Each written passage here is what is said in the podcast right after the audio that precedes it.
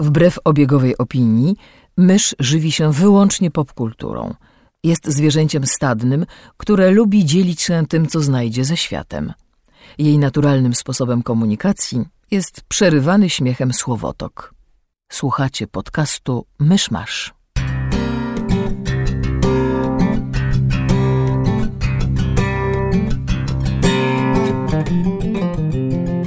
Drodzy słuchacze, jest 14 października 2019 roku, rocznica bitwy pod Hastings i Dzień Nauczyciela. Zapraszam do 241 odcinka podcastu Myszmasz. Cześć, jestem Krzysiek. Seran, a ze mną przy mikrofonie siedzi Rafał, którego już słyszeliście, Ja gitarkę chciałem naś- naśladować. i mysz, która dotąd się nie odezwa ani słowem, ale na pewno wkrótce się to zmieni. Dlaczego akurat gitarę? No bo mamy taką muzykę w intrze. Słuchasz swojego podcastu A. czasem? Nie. Kto ma na to czas? Cześć. E, To nie jest tak, że ja zabiłam Kamila i go pochowałam w ogródku. Przysięgam. E, Po prostu Kamil jest bardzo zapracowany. Co to są te krzyki z podziemi? Ha, ha, ha, Ktoś wali w rury. Ha, ha, ha, ha, ha. W związku z tym na zastępstwo Kamila jest z nami znowu Rafał, którego wszyscy znają i uwielbiają, więc na pewno się cieszycie. My się bardzo cieszymy. I ja się bardzo cieszę, że jestem. Cieszę się, więc, Więc jestem, jestem, tak. E, dobrze. Jak tam wybory? Wszyscy zagłosowaliście? O Jesus, to było wtedy, no tak. No nie, niezależnie od tego, na kogo głosowaliście, jesteście albo zadowoleni, albo niezadowoleni. Ważne, O, ważne e, że Mysza, e, wy, wy z Kamilem głosujecie na PSL? Bo przewodniczącym jest Kamysz. Medium, znaczy podcast to jest takie medium, w którym mimika niestety, y, że tak powiem, nie jest dostatecznie dobrze przekazywana, ale wyobraźcie sobie kamienną twarz myszy. Od dwóch dni planowałem ten dowcip. O dwa dni za dużo. Zmarnowałeś czas. Powiedział, że o trzy dni, ale dzielenie włosa na czworo. Tak. E, Jak zwykle spotykamy się, żeby porozmawiać o tym, co kto z nas skonsumował popkulturowo. W związku z tym zaczniemy od ulubionej e, rzeczy wszystkich naszych słuchaczy, e, a zwłaszcza żeńskiej części publiczności, to znaczy kącika książkowego Krzysia. To nie jest tak, że ja teraz w każdym odcinku będę mówił o czterech książkach jednej autorki, ale jakoś z biegiem okoliczności będzie drugi taki odcinek z rzędu. Nie jest to Olga Tokarczuk, która właśnie E. wygrała e, Nobla. Nie, nie jest. Ale kiedyś na pewno coś jej przeczytam. Zaraz potem, jak obejrzę, idę. Co deklarowałem, jak miała dostać Oscara. A, tak, bo e, zresztą zostajemy przy Annach, bo w zeszłym odcinku było o Ann Leckie, w tym odcinku będzie o Annie Kańtoch, która jest moją ulubioną polską pisarką już od ładnych paru lat, a której dwie książki czytałem w miarę niedawno, gdzie jedną była Niepełnia, która jest jej kryminałem metafizycznym, jeśli chcemy tak to nazwać. Niepełnia jest cienką książką o bardzo szkatułkowej konstrukcji, która zaczyna się od tego, że gdzieś w domu na uboczu ktoś zabija kogoś. Ale kto kogo? Czy był tam, był tam chłopak i dziewczyna, ale które z nich zginęło? Trudno powiedzieć. Czekaj, czekaj, czekaj. Pułkownik Musztarda w konserwatorium metalową rurką. To nie jest taki kryminał, to absolutnie nie jest taki kryminał. Nie, bez sensu. To- Jeżeli ktoś nie wie, do czego nawiązuje, to do gry i filmu Clue. A to jest kryminał, w którym przewieziona osoba z tego domu, w którym ta druga osoba zginęła, przewieziona osoba na komisariat zaczyna opowiadać policjantce historię, która jest o dwójce osób, o mężczyźnie i kobiecie, którzy w pewnym momencie trafiają na plik opowiadań, które zaczynają czytać. Opowiadania dotyczą mężczyzny i kobiety w których ktoś znajduje opowiadanie spisane e, ołówkiem na papierze i zaczyna je czytać, w którym ktoś trafia na stronę internetową, gdzie jest opisana historia i tak dalej. Zaczyna się robić jeszcze ciekawiej gdzieś w połowie, gdy orientujemy się, że bohaterowie szufladki E dość ewidentnie czytają o bohaterach szufladki B, czyli, że tak powiem, nagle to się zaczyna zapełtlać. Czyli ta fikcja fikcji fikcji zaczyna opisywać warstwę, którą mieliśmy za rzeczywistą, a która rzeczywistą nie jest, bo jest tylko kolejną warstwą fikcji fikcji fik- we fikcji.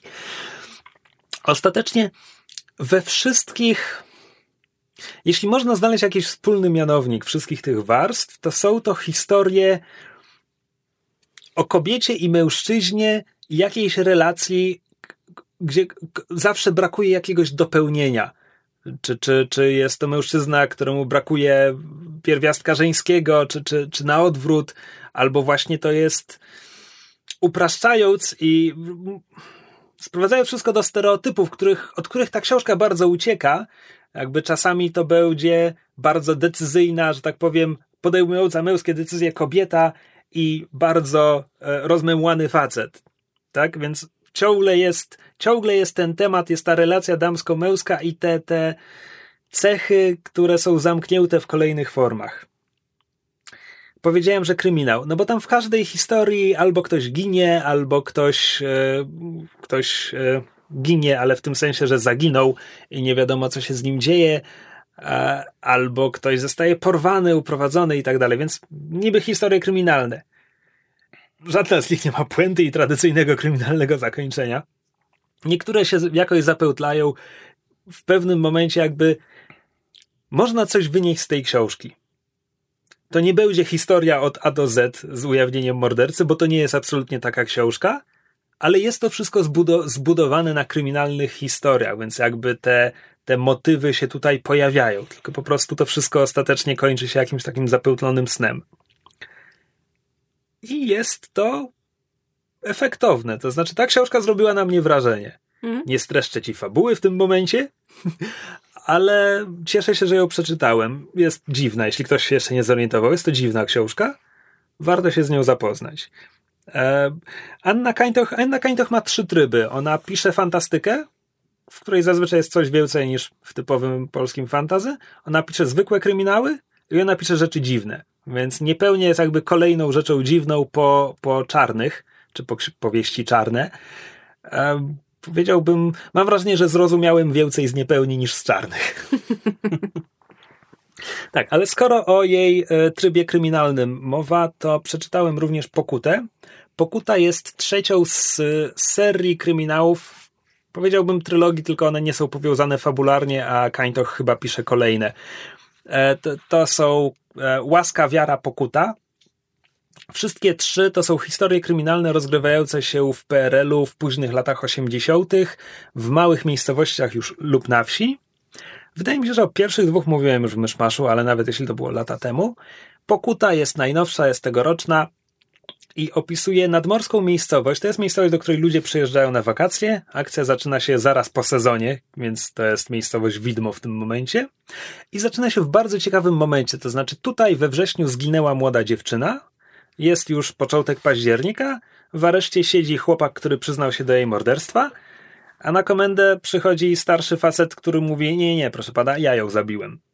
Więc mamy od razu, mamy oczywiście policjantów, przepraszam, milicjantów, którzy absolutnie nie chcą go słuchać, mówią, że to wariat, no bo sprawa jest już zamknięta, my już złapaliśmy sprawcę, więc po co grzebać? Późne, pa- panie późne lata papierki 80. wypełnione. To, to nie byli już, już policjanci? No, W książce byli milicjanci, tak? Póki był PRL, póty była milicja. Ja, byłem święcie przekonany, że ja się urodziłem już po PRL-u. Czemu? Nie, my Czemu? jesteśmy rocznik 87. Ta, a, no, okej, czas. Tak. E, no i potem mamy dwójkę bohaterów. Mamy, mamy milicjanta, który prowadzi to śledztwo. Właściwie nie wiadomo czemu prowadzi. Znaczy, to nie jest tak, że on jest takim bystrym śledczym, który wszystko rozgryzie. Nie, on, i on sam nie ma się za takiego. On jest taki trochę misiowaty, taki trochę pocieszny, jakby wielkim intelektem nie jest, ale coś mu tu nie pasuje, no i, i trzeba Tak jak ten sprawdzić, kapitan co. z Sherlocka. Jak on był? Lestrade. Lestrade. No, Nie? No okej, nieważne. że tak powiem, myśl jeszcze bardziej małe miasteczko i mał, mały rozum. E, I jest też, Policjant o małym rozumku. i i jest też e, młoda, nastoletnia dziewczyna, która znała ofiarę. Przyjaźniły się w dzieciństwie, od lat już się nie przyjaźniły. Ona tkwi w takim kompletnym zawieszeniu, bo skończyła liceum, nie poszła na studia, pracuje w pensjonacie swojej mamy, nie lubi tej pracy, chciałem powiedzieć, już nie lubi tej mamy, ma trudną relację ze swoją mamą, nie ma znajomych e, i właściwie nie ma pojęcia, czego chce w życiu. No dziewczyna, która zginęła, oczywiście była, wiesz, e, cud dziewczyna, e, piękna, mądra, zdolna, ty- tyle, tyle życia przed nią, taka prze, przyszłość, takie perspektywy. Such wow. Such wow, tak? I historia dość szybko robi się jeszcze dziwniejsza. Znaczy, bardzo szybko robi się jeszcze dziwniejsza, bo ten facet, który się przyznaje do zamordowania tej dziewczyny, mówi, że on wracał do tej mieściny co 7 lat, żeby mordować jakąś dziewczynę i że zaczął zaraz po wojnie. Nie, nawet jeszcze wcześniej. Więc tych dziewczyn, jakby co 7 lat, jest tam kilka, jeśli nie kilkanaście. No i nasz milicjant zaczyna grzebać i tam szybko odkrywa, że kurczę, coś w tym może być. Teraz tak. Coś w tej książce jest takiego, że ja się w nim pogubiłem totalnie. I być może to jest kwestia właśnie tej liczby ofiar potencjalnych, że no mamy tych dziewczyn 8 czy, czy 9 i po prostu mi się one wszystkie pomieszały. To może być jeden problem. Problem może być też taki, że kiedy ostatecznie już poznajemy rozwiązanie, no jest trochę bardziej skomplikowane niż mogło być. Hmm. W każdym razie, Kaintoch jest dobrą autorką. Ona po prostu dobrze pisze, na zasadzie jej narracji się dobrze czyta. Ona ma ucho do dialogów, e, fajnie kreśli postaci, które są takie bardzo wiarygodne, nie są, nie są przerysowane w żadną stronę. E, nie są, nie są idealne, nie są też jakieś takie, że się zastanawiasz, jakby czemu ja w ogóle czytam o tym draniu. Są pośrodku, są ludzkie. Natomiast jakby w połowie książki stwierdziłem, że ja nie mam pojęcia, co tu się dzieje. Absolutnie nie potrafiłem, jakby wiesz, myśleć o tym, kto mógł to tak naprawdę zrobić, kto mógł za coś odpowiadać, e, bo za dużo wątków. Ciekawe, biorąc pod uwagę, że wcześniej czytałeś książkę, która była totalnie szkatułkowa i tak, tam dopiero szło się niepełnia, pogubić. ale niepełnia nie jest po to, żeby ją rozumieć. Mhm. No Więc tak. nie, niepełnia jest zupełnie czymś innym. Natomiast jeśli chodzi o tę trylogię PRL-owską, póki, póki jest trylogią e, środkowa, nie część. Druga z kolei, Wiara, jest fantastyczna. Jakby wiarę łyknąłem e, w Trymiga, w, w wierze jakby nadążałem za fabułą i miałem własne przypuszczenia i tam czegoś się sprawdziła, czegoś się nie, nie sprawdziła. Z tych trzech książek wszystkie trzy są dobre, Wiara jest najlepsza, Pokuta, ja się pogubiłem, może wy jesteście mądrzejsi ode mnie, warto ją przeczytać. Łaska, ta pierwsza, powiedziałbym, że jest najbardziej nijaka. Wciąż ma te same zalety, to znaczy dobrze oddany klimat, dobrze nakreślone postaci, natomiast ani zagadka kryminalna mnie tam nie, nie przyciągnęła, ani też sama książka samą swoją formą nie, nie bardzo. Więc z tych trzech wiara przede wszystkim, pokuta bardzo, bardzo spoko. Bez kontekstu zdanie wiara przede wszystkim pokuta bardzo spoko. No, teraz się zastanawiam, jak się będzie nazywać czwarta w tym cyklu, bo już trochę się kończą takie. Czekaj, co było? Łaska, wiara, pokuta? E, tak. Odkupienie. Na przykład. No, może, może. To rozumiem, że tymi czterema książkami były te trzy kryminały Kańtoch i Niepełnia. E, tak. A, nie, bo powiedziałeś, że przeczytałem cztery książki, a potem umówiłeś dokładnie tylko dwie, więc chciałam się zorientować Nie, w nie, nie. matematyce. On mówił, że nie chce, żeby to był kolejny odcinek, gdzie omawia cztery książki tej samej e, autorki. Nie wiem, może w poprzednim odcinku cztery książki omawiał? W, Nie. odcinku, w poprzednim Mm. odcinku zrobiłem dokładnie to samo. Omówiłem dwie książki, z czego jedna była częścią trylogii, więc mówiłem trochę szerzej o trylogii. Dobrze, nie unoś się. Nie, po prostu Nie, nie, nagle, nie, okej, nagle okej, nie. ten podcast zamienia się w omawianie tego podcastu i to już się robi trochę zbyt meta, jak dla mnie. To może przejdziemy do tego, co Rafał ostatnio widział, bo Rafał widział same starocie. E, oglądałem trzy sezony Jessica Jones i zacząłem na nowo oglądać e, Daredevila. Więc o, e, myślę, że retrospektywa. możemy też troszkę sobie porozmawiać generalnie o Netflixowych e, produkcjach w świecie Marvela. Znaczy, nie wiem o czym to świadczy, że ja obejrzałam wszystkie pierwsze sezony oprócz Luka Cage'a, którego przerwałam w połowie, a potem już oglądałam w kratkę. To znaczy, na pewno widziałam drugi sezon Daredevila i zaczęłam trzeci, po czym go nie skończyłam, a z pozostałych chyba już nic więcej nie widziałam. Iron Fista nie warto. Iron Fista akurat obejrzałam całego i byłam jedną z niewielu osób, które broniły tego serialu. To W znaczy sensie nie drugi, broniły... drugi sezon też widziałaś? Nie, pierwszy. Ale nie, na zasadzie, drugi. nie na zasadzie broniły, tylko jakby Ja się słyszałem, że drugi jest lepszy. widziałam, widziałam jakby potencjał i, i pewne rzeczy w tym, w tym, w tamtym serialu mnie kupiły. Mi się nie, nie podobał po prostu aktor obsadzony w głównej Jak roli. większości ludzi, tak, to Daniel był dość specyficzny. Mm. E, ale to jakie, jakie masz wnioski po trzech sezonach Jessica Jones i, i po takiej retrospektywie teraz z perspektywy czasu? Jessica Jones stała się trochę przewidywalna, ten ca- cały wątek z jej siostrą. Ty, nie, ty jeszcze raz, ty ile Jessica obejrzałeś? Tylko pierwszy sezon. Ty, mm, Tak, Z Killgrave'em. tak. Z Tenantem. Musiałam zacząć drugi, ale... Tenant? Tak, E, David Tennant. Musiałam- On świetnie zagrał. No, pff, wiesz co, David Tennant jest nagradzanym aktorem. Of course. No. E, historia była ciekawa, o, troszeczkę naciągane mi się wydawały te moce Killgrave'a, bo oni wytłumaczyli je w ten sposób, że on e, Spoilery? dzięki wirusowi e, potrafił ro- rozkazywać ludziom. W sensie, że kiedy mówił, wysyłał wirusa i on działał jak ten grzyb na te mrówki. Coś w tym stylu. Hmm. Jeżeli dobrze to zrozumiałem, totalnie bez sensu. I Bo- mean, w jakim, w jakim kontekście mówimy? Biorąc pod uwagę, skąd się biorą moce w e, komiksach, no to, to nie jest najgłupsze wytłumaczenie, jakie słyszałam. Czy nie? Nie. No okej, przy, przyjmijmy, że tak jest. Nie podam ci teraz przykładu, ale nie. E, Komiksowy Weezer ma swoje moce super prędkości, bo miał transfuzję krwi od łasicy. O, widzisz? Okej, dobra. To, Czekaj, to czy on się nazywa Weezer, tak jak ta linia lotnicza? Głupsze. Nie, w, hi, w, Tak. A, We- Weezer ginie. W, spoiler. Jestem dobry w spoilery. Odwrotna kolejność. Ale nie, dobra, to jest na tyle mało znacząca postać w tym serialu, że on występuje przez pół odcinka, może i to w dwóch scenach małych. Jak, Ktoś jako, na pewno go kocha i jest teraz bardzo jako, zawiedziony. jako osoba, e, Nie. która pr- ch- chce prosić Jessica o pomoc, bo on też ma moce i ktoś na niego poluje i Mhm. ona mu nie wierzy, e, bo nie potrafił zaprezentować sobie swojej super prędkości, bo robi to tylko gdy się boi i dopiero właśnie w, w następnej scenie, jak ktoś rzeczywiście go próbuje dorwać i Jessica pró- próbuje go złapać, znaczy ogólnie uspokoić, to on jej ucieka i wtedy ona się przekonuje, że on rzeczywiście ma supermocę, no a jak po, w trakcie uciekania przed nią się coś dzieje. Myślałby kto, że w epoce Me Too i w takim serialu jak Jessica Jones, Jessica Jones uwierzyłaby ofierze. No Dobra, ale to trzeba też spojrzeć y, na to, na to kim był ten e, chłopak, który przyszedł. E, on no, zachowywał się jak wariat.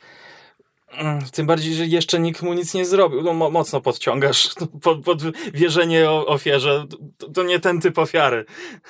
To Nie był wiem, ko- mam- koleś mam- chory psychicznie, który uważa, że ludzie na niego polują, więc no... Ja rozumiem, ale mam wrażenie, że w kontekście serialu o takiej konkretnej postaci, biorąc pod uwagę jej przeszłość i biorąc pod uwagę czasy, w których żyjemy i zwłaszcza kontekst, pod jakim był rozpatrywany ten serial, jest to cokolwiek interesujący wątek i zastanawiam się, czy po pierwsze Tak, został tam przedstawiony przypadkiem. Pamiętaj też, że Jessica Jones jest permanentnie na kacu i Jest alkoholiczką z przejściami i też Chciałam skończyć ona nie zdanie. będzie najbardziej woke osobą na świecie. Super, chciałam skończyć zdanie, zanim żeście się mi wtrącili w wypowiedź. Hashtag feminyzm. Było to, że po pierwsze jestem ciekawa, czy ten wątek został włożony do serialu przypadkiem, a po drugie, jak został potraktowany. W sensie, czy jakby, jeżeli został właśnie włożony specjalnie, to czy na przykład bohaterka się potem w jakiś sposób e, wewnętrznie zmaga z tym, że hej, nie uwierzyła temu gościowi i może powinna była. Więc... Tak, tak to jest przeprowadzone. Zaintrygowałeś mnie, może rzeczywiście Mhm. sięgnę po te kolejne sezony, bo jakoś. Znaczy, pierwszy, pierwszy sezon był fajny, zresztą zrobiliśmy um, ekstensywne mówienie w Myszmaszu, ale jednak ta, ten hype na te seriale MCU z czasem coraz bardziej mi słabł. To znaczy, one wszystkie cierpiały na Netflixiozę, to znaczy wszystkie miały 3 do 4 odcinków za długo, Mhm. z- za dużo, więc każdy z nich miał, miał zbyt rozwleczoną fabułę. Poza tym one były zbudowane na zasadzie wszystko prowadzi do Defenders, a potem Defenders nie byli tego warci i trochę po Defenders ja nie miał, nie czułem żadnego powodu, żeby wracać do tych indywidualnych seriali, nawet do Jessica, która jest e, absolutnie moim ulubionym z tych pierwszych, znaczy z tych wszystkich, które, które były. E, obejrzałem pierwszy odcinek drugiego sezonu i, i nigdy potem do tego nie wróciłem. Trochę dlatego, że oglądałem z wtedy jeszcze nie narzeczoną i ona nie miała ochoty, a mi się samemu nie chciało. A, ale znaczy, w tym momencie jakby Netflixowe MCU już nie istnieje, więc mam, mam pytanie, y, co możemy wyciągnąć z tych seriali, kiedy wiemy już, że to wszystko się skończyło i nie będzie więcej. To znaczy, prawdopodobnie trzeba by zrobić jakieś, nie wiem, badania albo poczytać, poczytać jakieś statystyki, ale mam wrażenie, że po tym, jak nie siadły um, kole- Defenders i kolejne sezony seriali Marvela, które były jakby dla Netflixa dość, dość e, dużą inwestycją i duże w nie kasy i promocji włożyli, mam wrażenie, że oni pewne nauczki z tego wyciągnęli. To znaczy, wydaje mi się, że właśnie po tym, jak, jak seriale Marvela nie siadły i zaczęły, zaczęły słabiej um, sobie radzić, Netflix zaczął też um, inaczej planować kolejne seriale, nie, nie z MCU, znaczy w sensie nie z e, Marvelowego e, uniwersum Netflixa, tylko jakby w ogóle jak zaczął robić seriale, bo mam wrażenie, że właśnie potem zaczęłam widzieć sezony seriali Netflixa, które właśnie miały na przykład 8 odcinków, 7 odcinków. I to był ten taki, mam wrażenie, sweet spot. Coś, co można zbingować w jedno popołudnie slash wieczór. Tak? Tak jak Peaky Blinders, był piąty sezon, obejrzałem cały w jeden dzień. Bardzo ładnie. Jesteśmy dumni. E, z jednej strony na pewno, e, że tak powiem, binge'owalność miała na to jakiś wpływ, natomiast to, co właśnie to, co się bardzo często pojawiało przy okazji seriali e, Marvelowych jako tych jakby najgłośniejszych, to było to, że właśnie praktycznie każdy z nich miał o ten jeden, dwa, czasem nawet czasem trzy odcinki więcej. za dużo i gdyby to właśnie skondensować i, i, i zrobić na przykład osiem odcinków, to to by o wiele um, jakby całość miałaby mhm. o, wiele lepszy efekt, już jakby abstrahując od tego e, oglądania ciurkiem. Wydaje mi się, że, że to nastąpiło jakoś niedługo po tym. Nie wiem, czy ciąg przyczynowo-skutkowy był jeden do jednego, natomiast to jest na przykład jakaś taki, jakiś taki wniosek, który wyciągam po fakcie. Znaczy, to, to jest ciekawe, że oni wyciągnęli tę lekcję, owszem, ale nie zaaplikowali jej do samych seriali Marvelowych, no bo te kolejne sezony wciąż miały za dużo tych odcinków. Mm-hmm. Jakby Defenders miało mniej, ok, ale poza tym, jak był drugi, trzeci sezon Jessica, czy kolejny sezon Daredevila, to znowu nie wiem, może to była kwestia, wiesz, jakby ja im w zęby nie zaglądam, no, ale może kontraktów, mieli... które mieli podpisane tak, na starcie. Tak, po prostu, że mieli już podpisane umowy, wszystko było, wiesz, klepnięte wszystkie i z kropeczkami, a z kreseczkami i tak dalej, no i jakby nie mogli się już z tego wycofać. Mhm. Coś tym może no, być. No sam, sam ten pierwszy sezon Jessica, no to, to ta pogoń za Killgrave'em, to, to było zbyt rozciągnięte, to dało by się skrócić. Niektóre wątki można było zupełnie wykluczyć. To było, to, to było tyle, to się z, zrobiło absurdalne w momencie, gdy oni co, łapią go po raz drugi i on znowu im ucieka, mm. no to już, to już wtedy jest za dużo odcinków. No to później drugi i trzeci sezon to znowu jest babranie się z tym samym problemem, kilka podejść do tego samego przeciwnika, tudzież do tego samego problemu. E, ciekawe niektóre nowe postaci są wprowadzone, na przykład jest e, taki jeden super, który potrafi wyczuć zło w duszy każdego człowieka.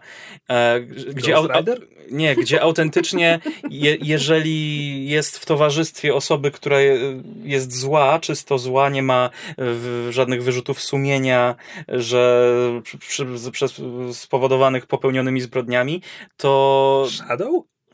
Nie wiem, jak on się nazywa. Jak, nie ma imienia? Znaczy, on ma imię i nazwisko, nie pamiętam. Hmm. Ale, ale nie ma swojego super, swojej super ksywy. Super anonim. I on po prostu zaczyna go boleć głowa, czuje, czuje piszczenie w uszach, gdy, gdy na przykład właśnie koło mordercy się jakiegoś znajduje. I wykorzystywał tę umiejętność, żeby szantażować złych ludzi. E, nie wie, co ta osoba zrobiła, ale list, wiem, co zrobiłeś, zapłać mi 100 tysięcy, czy tam ileś tysięcy. W normalnym świecie z takimi objawami należy się zgłosić do lekarza, bo bardzo możliwe, że idzie na migreny. A, ale taki, takim bardzo słodkim motywem jest to, że on, gdy on jest w towarzystwie Jessiki, to on się w, wtedy tak cudownie czuje, że jej dusza jest dla niego jak miękka poduszeczka. O, Jessica Jones, she's a marshmallow. Mhm. Oczy, oczywiście cały, cały czas ona go wykorzystuje. Po prostu raz, że wykorzystuje jego umiejętności, dwa, na początku po prostu go wykorzystuje. E, hej, rano, spierdalaj stąd. E, w domyśle e, uprawiają seks. Tak, seksy, seksy galore. E, Jessica likes, likes this stuff, no co mogę powiedzieć? Nie, nie, po prostu sexy galore brzmi jak kuzynka e, Pussy galore z Bonda. Mm -hmm, no, do, do, tego piłem. Mm. E, jest dużo silnych kobiecych postaci. Ten e, serial... Jessica Jones? Nie! Daj mi powiedzieć do końca. Nie przerywaj mi hashtag feminizm. Okej? Okay? E, jest dużo kobiecych postaci, ale też może też pokazać, że niektóre, niektóre kobiety też potrafią być bardzo ciężkimi drań, chcę powiedzieć draniami, dranio, draniowczymi. Dranicami. Dranicami. Chociażby taka, wiesz, e, pani adwokat, która po trupach i, idzie do celu, która broni wielokrotnego mordercę, wiedząc, że on jest mordercą. Mówimy o postaci granej przez Carrie Ann Moss, prawda? Czy mówimy o tej postaci? Tak. Tak. I love her. Jerry Hogarth. O właśnie. Tak, Jerry Hogarth. Jezu, jak ja jej niena- nienawidzę, jak ja jej nie cierpię. O Boże, to jest taka przegniła dusza, po prostu ta... Och! Śmiałbym się, gdyby tonęła. Wow, powiedz nam, jak naprawdę się czujesz. No. Dobrze, a jak wrażenia po, po Daredevilu? No bo Darede- Daredevil był tym takim Tym pierwszym, flagowym, tak. tak. serialem pierwszym, tym, który e, większość ludzi właśnie, jeżeli jest jeden serial, mam wrażenie, z, całego tego e, Marvel, Netflix Universe, który ludzie oglądali od początku do końca, to zazwyczaj był to Daredevil. Nie obejrzałem go do końca. Mówię zazwyczaj. Ty nie dotrwałeś do odcinka, gdy on w końcu już ma swoje ubranko? Co? Nie, chodzi mi o to, że nie widziałem trzeciego sezonu. A, trzeciego sezonu, okej. E, Daredevil. No, Daredevil był właśnie czymś takim, czego się w, w danym momencie nie spodziewałem po e, serialu superbohaterskim. Bo o ile wtedy już. Kie, kiedy wy- wyszedł pierwszy Daredevil? No już ładnych parę lat temu, ale już mieliśmy za sobą parę filmów MCU i to kino jak, jakby po tych filmach miałem pewne oczekiwania wobec serialu superbohaterskiego a, i tego zupełnie nie dostałem, bo ten Daredevil był bardzo taki jakby mało super. No bo też z kolei on nie miał jakichś e, spektakularnych mocy. Owszem, był mistrzem sztuk walki, ale poza tym no, miał wyostrzone zmysły, co tak naprawdę nie jest może materiałem na film kinowy, co Jak też Ben? Affleck udowodnił. Ja strasznie lubię ten film nieironicznie. Co ci się w nim podobało? Z drugiej strony ja nieironicznie lubię Catwoman, więc me, Nie oglądałem Catwoman, nie oglądaj. ale lubię bardzo Halle Berry. Nie oglądaj. Chyba, że w ramach LOLu pod wpływem e, substancji, na przykład alkoholu. Piwa. Tak. Alkoholu. Znaczy, z, z, z jednej strony się zgadzam, że jakby Daredevil w porównaniu do, nie wiem, superbohaterów, e, do których nas przyzwyczaiło MCU, to jest inna skala, ale z drugiej strony to nie jest tak, że on kompletnie nie ma mocy i to takich, które można pokazać w interesujący sposób. E, dosłownie dwa dni temu mi chyba mignął na, na Twitterze kadr z jakiegoś właśnie komiksu z, z Mattem Murdockiem, gdzie było podsumowane na zasadzie, że jak dobrze pisać dialogi, żeby ująć sarkazm bez zaznaczania w ogóle nawet tam italikiem czy podkreśleniem, że coś jest powiedziane sarkastycznie. I właśnie są, są dwa, dwa, dwa kadry z komiksu o Daredevilu. Jest, na pierwszym jest, że e, Matt mówi, że o nie, zgasło światło na drugim. Co ja najlepszego w tym momencie zrobię? I wiesz, bo po prostu takie na zasadzie, hmm, jak rozwiązać tę tragiczną sytuację? Jak ja sobie poradzę? Nie No, w tym pierwszym sezonie najbardziej spektakularne wykorzystanie jego umiejętności było takie, że po prostu stanął na dachu, wsłuchał się, usłyszał to, co tą osobę, sytuację, którą chciał usłyszeć, i potem biegł po dachach, śledząc samochód, w którym ta osoba była. Okej. No, mówię, nie jest to coś, czego się spodziewałem po świecie Marvela. Tak, rzeczywiście. To był bardziej serial kryminalny niż superbohaterski, w, bym branży, powiedział. w branży nazywamy to street levelem. Jeśli Mhm. bohaterowie nie mają spektakularnych mocy, jeśli głównie tłuką gangsterów na ulicach, Albo ninja, jak w sezonie drugim. street level. W sezonie pierwszym jest pierwszy ninja. Tak, ale w drugim jest dziura w ziemi i mnóstwo ninja. Och, i zresztą to jest taka Mhm. piękna, piękna zasada konserwacji ninjutsu. To znaczy, kiedy na ekranie jest jeden ninja, jest śmiertelnie groźnym przeciwnikiem, który przetestuje na, wszystkie umiejętności naszych bohaterów. Im więcej ninjów, tym są słabsi. Ale nie no, ten, ten jeden ninja w pierwszym sezonie jest jednym z przywódców e, dłoni, więc... No tak, ale to jest dopisane potem w Defenders, więc... No Okej, dobrze. A to dopiero w Defenders było, ten chęt się pojawił. Tak, bo już po prowadzeniu Iron Fista. Ja, mi się już mylą te seriale i to, która fabuła była w którym serialu. Muszę Luka Cage'a obejrzeć. To pewnie będzie następne po Daredevilu. Luke Cage ma świetną muzykę i dwa bardzo dobre odcinki. Okej. I on z tego co kojarzę, bo on też poja- pojawia się w Jessica Jones, on ze swoim bratem chyba walczy w pewnym momencie i To posyła jest go na nomi- raft. nominalnie spoiler, ale tak. No dzięki, no, Rafał. Te seriale są już od lat dostępne. Nie szkodzi, no ale że mówisz, że mówisz spoiler, nie? Dobra mysz, okej. Co ty oglądałaś? E, ja, e, trzymając się e, klimatów seriali około kryminalnych, bo tak jak mówiłam, ostatnio jest jesień, w związku z tym, a jeszcze na dodatek byłam chora, więc trzymają się mnie seriale smutno-kryminalno-depresyjne. Jezu, nie lepiej jakąś komedię sobie obejrzeć, jak jesteś chora? Właśnie nie, z jakiegoś... Po... Ale to- nie jest tak, że... To, to nie jest świadome. This makes me feel so. To nie jest świadome, ja się po prostu przełapuję na tym, że, że jak jestem chora, to z jakiegoś powodu sięgam po wiele bardziej, nie wiem, jakoś emocjonalnie, intelektualnie wymagające seriale.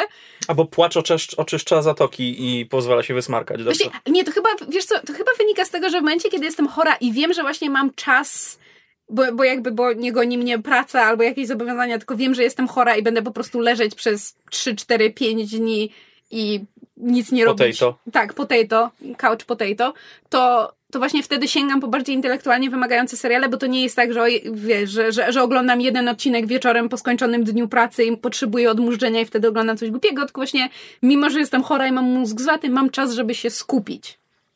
W związku z tym e, nadgoniłam drugi sezon Mindhuntera. U, obejrzałem go od połowy.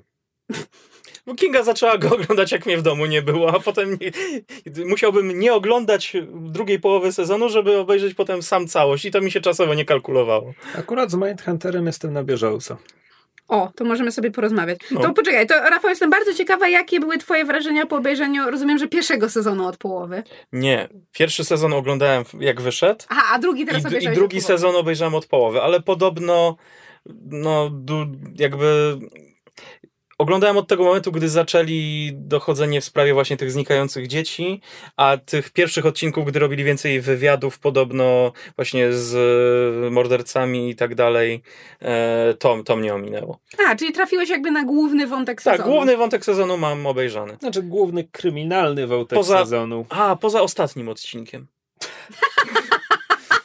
Poszedłem spać, Kinga dokończyła sama i jakoś nie chciało mi się odpalić. Dobrze. To e, zanim bardziej namotamy, to może wróćmy do meritum. Tak. E, Mindhunter, jeżeli nasi słuchacze nie wiedzą, to jest e, serial e, kryminalny, w, głównie w reżyserii Davida Finchera. Znaczy on jest showrunnerem, ale ja nie wiem, czy on reżyseruje więcej niż jeden, E, dwa odcinki na sezon. Mam wrażenie, że tak, chyba otwierające pierwsze dwa i ostatnie dwa, czy jakoś Okej. tak. W sensie jakby e, czytałam, czytałam i oglądałam z nim wywiady i jakby on narzucił cały wygląd i feel serialu, więc jakby ja to... Na... Zresztą ten serial jest bardzo Fincherowski, Tak, nazwałabym. tak, to jest zasadniczo z- Zodiac the Movie tylko. Tak, i em, serial opowiada o początkach tego, co ja znam jako BAU z serialu Criminal Minds, a, a tu jest jako BSU, czyli to jest Behavioral Sciences e, Unit, czyli dział e, FBI, który zajmuje się Behawiorystyką. tak, behawiorystyką, analizowaniem e, zachowań seryjnych Portretów przestępców. psycholo- psychologicznych, tak? Tak, seryjnych przestępców, y, głównie w celu przewidywania ich jakby metod, motywów, y, analizy. To jest jakby początek wykuwania się tej, tej kryminologii stosowanej, profilowania. Oni w ogóle ukuwają termin e, seryjny morderca w pierwszym sezonie. Jakby przed nimi to, to nie istnieje, nie ma takiego myślenia o, o przestępcach. Serial jest oparty o powieść, nie powieść, o książkę e, agenta FBI, który faktycznie jakby to robił w latach 70., aczkolwiek e, słyszałem opinię o jego książce, że on się umieszcza i, i zdecydowanie uwypukla swoją rolę w śledztwach, przy których zrobił bardzo mało. Tak. no a jakby sam serial wykorzystuje elementy z, z jego książki, jakby z, z tego co wiemy o początkach tej, tej dziedziny i tej jednostki w FBI. Przy czym Em, bohaterowie serialu są fikcyjni. Tak, są tak. wzorowani na faktycznie istniejących, ale mają fikcyjne imiona i są tam jakąś mieszaniną cech. Tak, właśnie do, do tego dążyłam, że są elementy y, prawdziwe, są elementy zmyślone.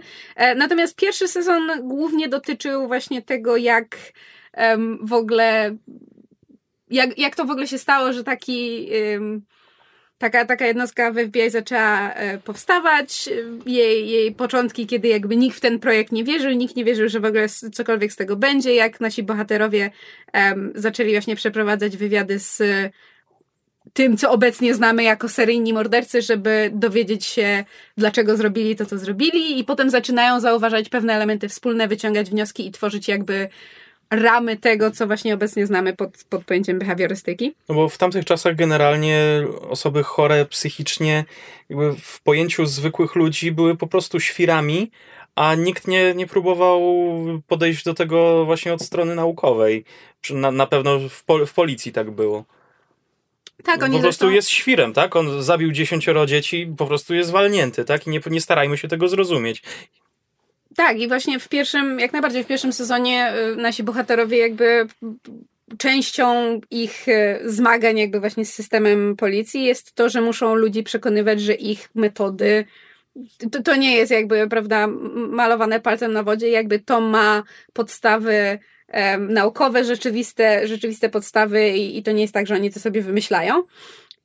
I tutaj jakby y, ważnym elementem tego jest y, postać y, pani, ona jest psycholog. Mhm. Wendy um, Carr.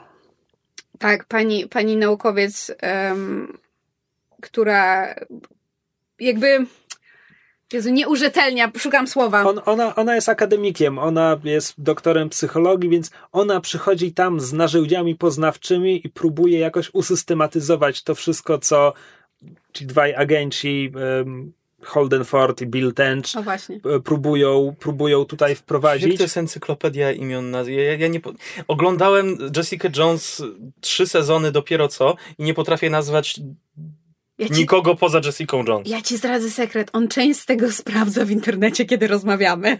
Widzisz, żeby miał telefon w rękach teraz? Moje ręce są puste. Rękawy nie ma nic. A, prestiż. W każdym razie, skoro, skoro już o nich mówimy, Bill Tench jest, te, jest tym typem starego wygi. On jest, mm. on jest starszy, on jest po pięćdziesiątce chyba dość... W każdym razie i on się tym, on się zajmował tą behawiorystyką, on jest szefem tego działu w ogóle i on, on był w awangardzie tak z 10-20 lat temu. Teraz jest człowiekiem, który widzi w tym wartość, ale jednocześnie jest tym starym policyjnym wygą, który wie, kiedy odpuścić, wie, kiedy trzeba komuś pocałować tyłek, żeby tam biurokraci byli zadowoleni i tak dalej. No i e, zaczyna, zaczyna to robić razem z e, Holdenem Fordem, który jest tym młodym, zdolnym, który ma intuicję i, i talent i w ogóle. I zero poszanowania dla władzy i, I to, zasad. Tu, tu nie chodzi o po, poszanowanie i zasady, tu chodzi o to, że on jest, on jest jak niemowlę w biurokracji. To znaczy on obrazi wszystkich, nie zdając sobie sprawy z tego, że to robi. Bo jest on ma rację. Piękna scena w drugim sezonie. Właśnie nie. To jest, to jest bardzo ciekawe, że Mindhunter ucieka od tego, że on jest niezrozumianym geniuszem, który nie potrafi się odnaleźć w społeczeństwie. Mi chodziło on o to, że on uważa, że on ma rację. On, on, ma rację, więc on może wszystkich obrazić, bo przecież ja mam rację. Nie, właśnie, właśnie o to mi chodzi. On nie jest Sherlockiem, on nie jest takim typowym dupkiem z serialu kryminalnego o genialnym dupku. E, on po prostu dla niego jego praca jest całym jego życiem. Jest piękna scena w drugim sezonie, która to obrazuje. Jest jakieś spotkanie właśnie szefostwa, takie przyjęcie, na którym jest cała trójka naszych bohaterów i Tench tam po prostu opowiada anegdoty z rozmów z psychopatami i o tym, jak, jak, jak ich wkręcali, jak jedli im zrełki ci psychopaci i tak dalej. I wszyscy się śmieją i tak dalej. I przychodzi Holden, E, Tench musi coś załatwić, no i dyrektor, dyrektor mówi, no Holden, ty też na pewno masz mnóstwo anegdot. A Holden zaczyna po prostu dukać o, o tym, że ta metodologia zastosowana poznawczo może tutaj doprowadzić nie, to, do... To nie jest to, on nawet nie duka, on po prostu natychmiast wchodzi w taki totalnie profesjonalny szpil i tylko widać, jak ludzie powoli odchodzą tak. od tego kółeczka na zasadzie, hmm, co to za koleś? Tak, więc, więc to są Tench i Ford, a Wendy Carr Tench próbuje... ma umiejętność y, sprawienia, że mówienie o seryjnych mordercach jest sexy dla tłumu. Trochę tak. E, a, a Wendy jest tą osobą, która próbuje przekuć te wywiady z psychopatami w coś, co może być podstawą pracy naukowej. To znaczy, próbuje im narzucić schemat, próbuje im narzucić, no dobrze, jeśli każdego zapytamy, jeśli każdemu zadamy tych 15 pytań o dzieciństwo, to możemy wtedy porównać ich odpowiedzi. Tak, i z drugiej strony ona też jakby w momencie, kiedy oni rzeczywiście sami z siebie wpadają na jakiś pomysł, który ma rację bytu, to ona wtedy jakby potrafi dopowiedzieć na zasadzie, a tak, bo w psychologii to znamy to Tak. jako coś tam, coś tam. Więc jakby ona dodaje bardzo, bardzo wiele właśnie od tej strony Tak. akademicko-naukowej. Więc w pierwszym sezonie na przykład ich konflikty, nazwijmy to personalne, były takie, że jakby Tench musi świecić oczami za Forda przed, przed szefostwem. Z kolei Ford, ponieważ kieruje się swoją intuicją, e, olewa praktycznie przy każdym wywiadzie, olewa tą metodologię kar. Znaczy ona też, e, Kar się pojawia stosunkowo późno w Tak. pierwszym sezonie. E, Tak. Na początku panowie są sami. Co w drugim sezonie zostaje bardzo ciekawie rozwinięte w momencie, gdy Wendy sama bierze udział w kilku przesłuchaniach i nagle odkrywa w praktyce, że faktycznie jej metodologia nie działa, że ta intuicja faktycznie musi się tutaj pojawić, żeby, żeby e, skłonić tych ludzi do mówienia. Znaczy dla mnie to była o tyle cudowna scena, że to bardzo odpowiada temu, co ja wiem z mojej, że tak powiem, em, bardzo y, pobocznej roli w, w, w nauce, w sensie jakby, ponieważ pracowałam w instytutach naukowych, pracowałam przy różnego rodzaju badaniach, więc jakby dla mnie to było idealne zobrazowanie tego, że w momencie, kiedy sobie naukowiec wymyśli suchą ankietę i pytania do niej, to jeszcze niekoniecznie oznacza, że, że wziął pod uwagę, jak, w, jak to będzie wyglądało, kiedy te pytania zostaną zadane e, ankietowanym, jak, jakich udzielą odpowiedzi, więc to jest bardzo fajne właśnie takie porównanie tej, tej czystej, suchej akademii, a jak to jest, kiedy próbujesz przeprowadzać badanie na żywym, w organizmie. tak, na żywym organizmie dosłownie. Tak. No i w pierwszym sezonie jakby pierwsze skrzypce i główną atrakcją serialu e, były bezapelacyjnie te wywiady z mordercami. Tak, plus mam wrażenie, że bardzo wiele osób sięgnęło po ten serial, e, abstrahując od mody na, e, i popularności True Crime, którą teraz mamy, bardzo wiele osób sięgnęło ze względu na Jonathana Groffa, który gra właśnie tego e, młodego hotshota Forda. Tak. Z głosem anioła. I tu jest, tu jest ciekawa zmiana zachodzi w drugim sezonie, gdzie te rozmowy z, y, z mordercami wciąż są obecne, Ale spadają na bardzo daleki I spadek. tylko właśnie na początku sezonu mam wrażenie. spadają na bardzo daleki plan, gdzie tak naprawdę z, i, i też w tej trójcy bohaterów e, Ford spada zdecydowanie na dalszy plan w tym sezonie, gdzie główne wątki fabularne to jest, to są problemy rodzinne Tęcza, to są problemy Wendy w jej Sercowe relacji. Wendy, bo znaczy sercowe, właśnie ona- ale, też, ale też jej pozycja w, w FBI, to czym się tam zajmuje, a czym chce się zajmować, Mhm. jakby to są wszystko tematy tego sezonu, ale przede wszystkim ten sezon spycha tych morderców w, w tło, a na pierwszy plan wyciąga ofiary i pokazuje efekty tych działań. Pokazuje, że tak, historia i popkultura pamięta morderców, ale pamiętajmy o tych wszystkich realnych ludziach, którzy oni zabili albo skrzywdzili na całe życie swoimi działaniami. Tych chłopców, których znajdowano w lesie, w, sa, w, sa, w samej Tak, bieliźnie ale na tutaj, przykład. też, ale tutaj też jakby rodziny ofiar grają Mhm. bardzo dużą rolę, albo jest ta bardzo mocna scena, kiedy Tench rozmawia z chłopakiem, który przeżył albo uciekł, kiedy morderca zabijał jego siostrę. W tym momencie nie pamiętam już konkretnie kontekstu tej, tej. To jest jak siedzą w samochodzie i ten, ten chłopak siada na tylnym siedzeniu, prosi, żeby nie patrzeć na niego w lusterku, bo on A, został tak. ranny Tak, w tak. tym wszystkim. Znaczy, bo rzeczywiście drugi sezon jakby skupia się na jednej takiej, powiedzmy, sprawie sezonu, gdzie nasi bohaterowie, jeżeli dobrze pamiętam, jadą do Atlanty. Atlanty. E, w związku z tym mm, to jest też taka to jest ważna sprawa z tego względu, że to jest ten. W drugim sezonie następuje zmiana władzy w FBI.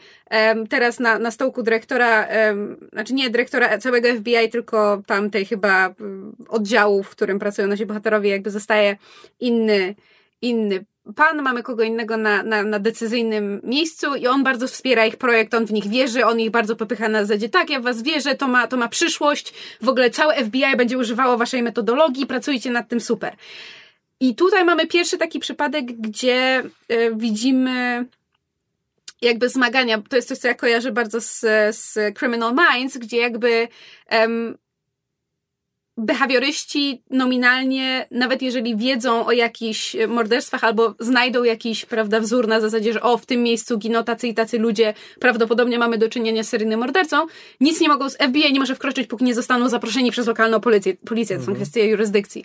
W drugim sezonie bardzo dużo właśnie na temat jakby papierkologii takiej upierdliwej tak. strony administracyjnej, prowadzenia dochodzeń i właśnie dogadywania się różnych gałęzi em, słów porządkowych. To jest bardzo duży element drugiego sezonu i tutaj to widzimy e, po raz pierwszy. E, I dla mnie też bardzo było ciekawe i znaczy, nie wiem czy odważne, ale jakby podejrzewam, że nie bez powodu twórcy to zrobili. Fakt, że wybrali taki, a nie inny przypadek. W tym momencie nie, nie sprawdzałam, czy jakby rzeczywiście to była jedna z pierwszych, najważniejszych spraw um, Behavioral Sciences Unit. Natomiast fakt, że twórcy zdecydowali się ukazać ten wątek, moim zdaniem jest emblematyczny. To znaczy, bardzo dużym elementem tego dużego śledztwa w drugim sezonie, które obserwujemy, jest kwestia rasy. To znaczy, jakby kwestia em, koloru skóry, zarówno e, ofiar, jak i potencjalnego mordercy, rodzin, które są e, niestety jakby wmieszane w tę tragedię, to jak miasto na to reaguje, czy też nie reaguje. Tam jest bardzo duży właśnie element polityczno-rasowy. E, I dla mnie to był ciekawy, bardzo ciekawa zmiana kierunku, a z drugiej strony to nie jest to, że ja mam pretensje o to, że drugi sezon tak bardzo zmienił środek ciężkości. Natomiast to nie była zmiana, której ja się spodziewałam. Nie po to wróciłaś do tego se serialu.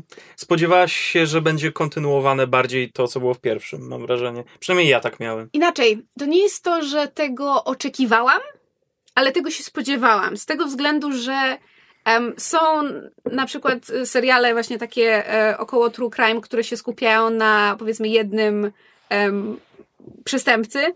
E, ja mam wrażenie, że kiedyś Myszmaszu omawiałam, chyba właśnie przy okazji też pierwszego sezonu Mindhuntera o, o, omawiałam em, serial Manhunt Unabomber, bo ja je obejrzałam Mhm. jeden po drugim. No i tam jakby em, całe śledztwo dotyczy, dotyczy jednego przestępcy.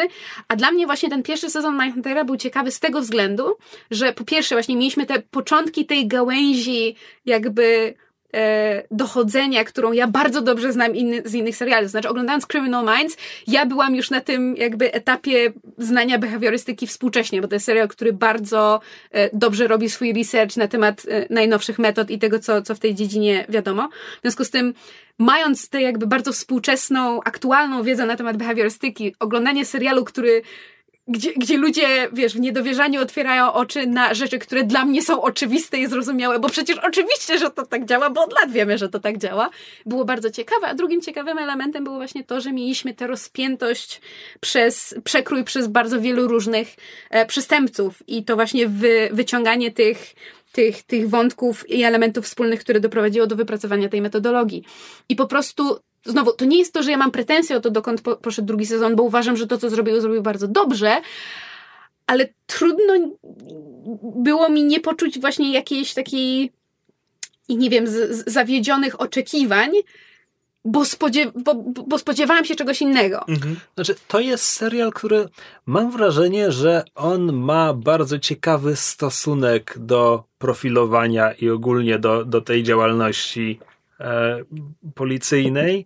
To znaczy, on jest o profilerach, ale on nie robi z nich bogów, którzy, wiesz, jak ten, ten bohater Hannibala po prostu ma wizję, gdzie widzi siebie jako mordercę, bo tak bardzo rozumie to, to jak oni myślą. Hej, szanuj Willa Grahama! A tylko On mówi o jego postaci. bardzo często. Tak, postać to Will Graham. Dammit. Nie, nie oglądałem No, i myślałem, że trafię. Will, Will Graham jest biedną, biedną, zahukaną istotką i on zasługuje na ciepły kocyk i kubek herbaty. Bo, bo w tym serialu Ford. On się myli. W pierwszym sezonie jest, jest taki odcinek, gdzie oni są w jednym z tych małych miasteczek, no i tam, tam policja prowadzi śledztwo, no i oni mówią, no to my pomożemy, pomożemy. I na koniec odcinka oni rozkładają ręce na zasadzie, no nic więcej nie zrobimy. I ten policjant jest taki, "A- ale nic nie zrobiliście, nic, nic nie mam z tego, że, że z wami rozmawiałem.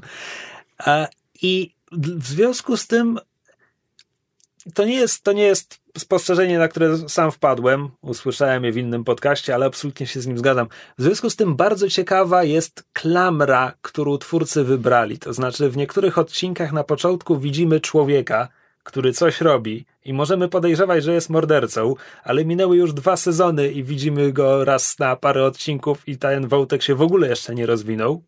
Ja w ogóle, ja w ogóle oglądając drugi sezon zapomniałam, że jakby, że to są kontynuowane elementy sezonu. z pierwszego sezonu. Tak. To jest Dennis Rader, ksywa BTK. Zakładam, że ma być, duży cudzysłów, głównym złym serialu, skoro jest budowany od pierwszego sezonu. BTK został złapany. Profilerzy nie mieli z tym nic wspólnego. Mhm. BTK został zła, złapany, bo był jełopem, jeśli chodzi o technologię. E, czy mogę wam zaspoilerować wydarzenie historyczne? E, Please do. BTK bodajże jakoś komunikował się z policją i zapytał ich, jeśli wyślę wam dyskietkę, czy na podstawie dyskietki możecie mnie znaleźć? Oni powiedzieli nie. Wysłał im dyskietkę. Z metadanych znaleźli jakby gdzie nagrano pliki i jakby w ten sposób do niego doszli. A czy chociaż to była, nie wiem, jakaś e, ten komputer w jakiejś bibliotece publicznej, a nie przynajmniej u niego w domu? Tak, to chyba była biblioteka kościelna czy, czy coś takiego, ale wciąż. E, zresztą to było, to było niedawno. Mhm. Serial zaczyna się w latach 70. BTK został złapany w 2004 albo 2005. Yep. E, więc w tym, w, w momencie, gdy klamrą, nazwijmy to, to nie jest klamra narracyjna, ale klamrą całego serialu jest przypadek gościa, przy złapaniu którego profilerzy zrobili niewiele albo, albo nic, Mm. nie jestem pewien, jaka będzie ostateczna Ale może wymowa bardzo i dużo przekaz. pracy włożyli, próbując go sprofilować i bardzo dużo researchu w to włożyli. To, że ostatecznie dużo to nie dało, to nie znaczy, że historia nie jest warta opowiedzenia. Znaczy, ja się też, e, dla mnie o, o tyle jest ciekawe to, co mówisz, ten właśnie element, że jakby, że, że nasi e, pro, profilerzy, profilerzy? Hmm, e, nie są em, nieomylni i jakby serial też w dużej mierze skupia się na ich życiu osobistym i temu, jak, jak się łączy z zawodowym, prawda? Pierwszy sezon głównie się skupia na, na Fordzie, w, w, drugim mam wrażenie bardziej właśnie na, na Tęczu i na, na Wendy. A to dlatego, że Ford nie ma żadnego życia osobistego. Yep. Znaczy, On ma tylko pracę. Tak, to, to, to, to w tym tkwi szkopuł, haha. E, natomiast bardzo, e, dla mnie bardzo ciekawym wątkiem i em, fakt, że został pociągnięty w drugim sezonu, w drugim sezonie jest, jest dla mnie bardzo, że tak powiem, e, bardzo to twórcom chwalę, bo oni już to sugerowali w, w pierwszym, rozpościerając nam okruszki, jakby jak praca i badania prowadzone przez Tęcza mają zaskakujący związek z jego właśnie życiem e, osobisto-rodzinnym, to znaczy... Tak, ja bym, ja bym tutaj uniknął szczegółów na temat jego wątku w drugim sezonie. Tak, jak bo najbardziej. to łatwo zaspoilerować. Natomiast to, co mi się bardzo podobało, to to, że serial to nie jest subtelne, jak ten wątek łączy się z jego pracą i tematyką serialu i wszystkim innym, ale jednocześnie jest to jeszcze, to nie jest łopatologiczne. Tam nie ma tego dopchnięcia obcasem, nikt nie, nie patrzy do kamery i nie mówi, cóż, Szewc bez butów chodzi. Wink, Tak. wink. tak, bardzo ładnie jest to poprowadzone. Tak, więc y, myślę, że tutaj wszyscy razem możemy Mindhuntera jak najbardziej polecić.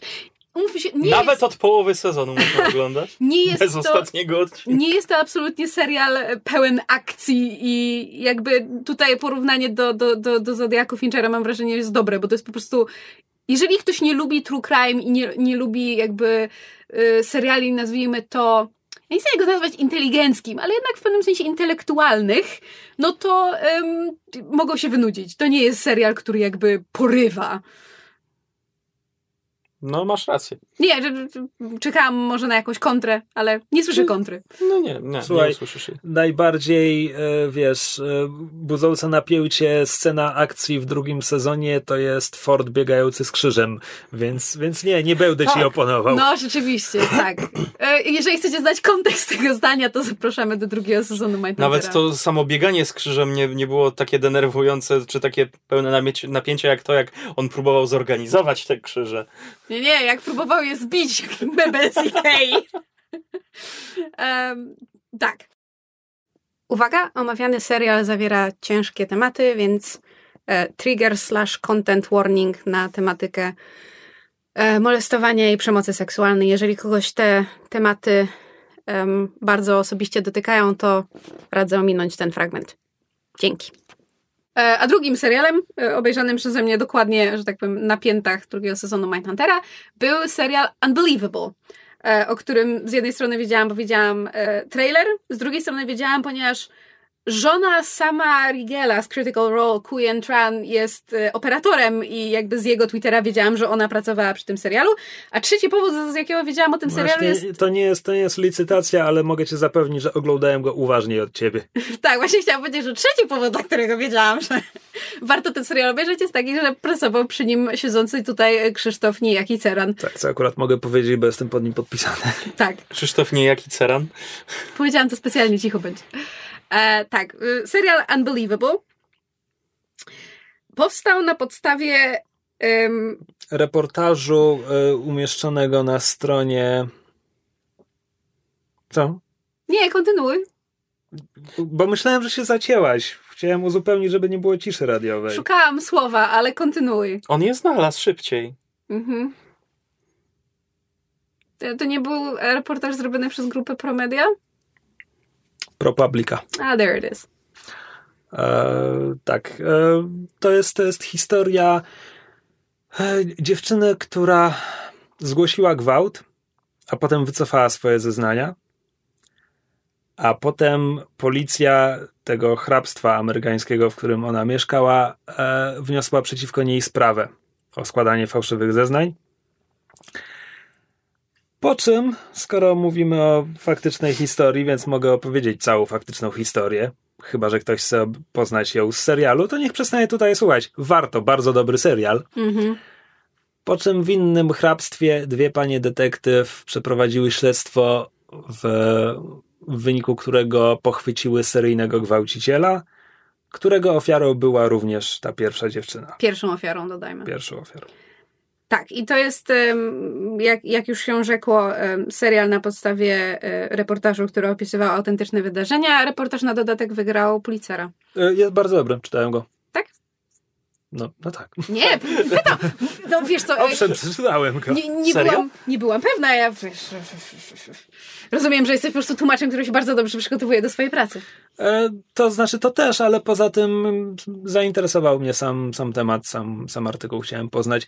Plus e, nie znam wielu seriali czy innych dzieł będących adaptacją materiału dziennikarskiego, o ile nie mówimy, wiesz, o filmie na podstawie wielkiego książkowego reportażu, więc, więc byłem ciekaw jakby jak wygląda opisanie tej historii na kilku stronach, bo umówmy się, to nie jest długi tekst, która potem zostaje rozbudowana do ośmiodcinkowego serialu. Właściwie nawet nie serialu, miniserii, bo to jest jakby zamknięta no tak, całość. Tak.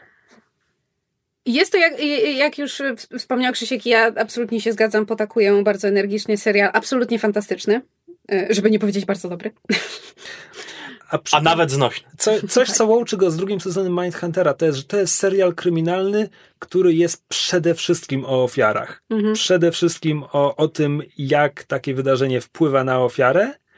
I oczywiście praca po, policyjna też, też w nim jest i pod tym względem to jest typowy, znaczy typowy owszem, typowy procedural, ale bardzo, bardzo do bólu realistyczny. To -hmm. znaczy, to jest to śledztwo, które składa się niemal wyłącznie ze ślepych zaułków, w którym jakby przełomem przełomem jest to, że nagle ktoś wpadnie, że kurczę, a może jednak, a może jednak sprawdzimy jeszcze raz coś, co sprawdziliśmy już pięć razy. Tak, znaczy to, to jakby e, serial bardzo dobitnie pokazuje, że e, czasami e, prowadzenie śledztwa to jest um, um, ćwiczenie w szaleństwie, to znaczy to jest autentycznie rzucanie po prostu spaghetti w ścianę przez wiele, wiele lat w nadziei, że za którymś razem jakaś jedna nitka zostanie i nas doprowadzi do kolejnej nitki, do kolejnego kłębka, który odpadnie i tak w kółko. Jeśli, jeśli szukamy tutaj jakiegoś Sherlocka Holmesa, który, który w przebłysku geniuszu rozwiązuje całą sprawę, to najbliżej będzie starzysta informatyk?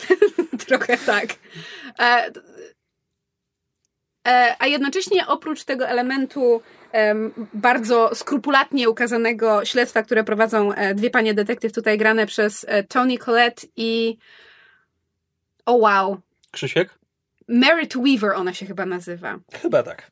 Um, aktorka, którą ja tak oglądam tę serię i mam takie, ja znam ją, ale jak była młodsza na pyszczku i miałam takie, jej, skąd... Młodsza na pyszczku. Cicho, skąd ja ją znam? Po czym skojarzyłam, że ona grała um, stażystkę w Studio 60 on the Sunset Strip um, Arona Sorkina, moim ukochanym e, jego serialu i jednym z moich top 3 seriali ever. E, więc miałam takie, o, kojarzę. Czy jest gdzieś dostępna twoja lista top seriali ever? Y, nie, ale jest bardzo krótka, bo jest na niej um, Studio 60 on the Sunset Strip, um, Band of Brothers i um, Spartacus. Mhm.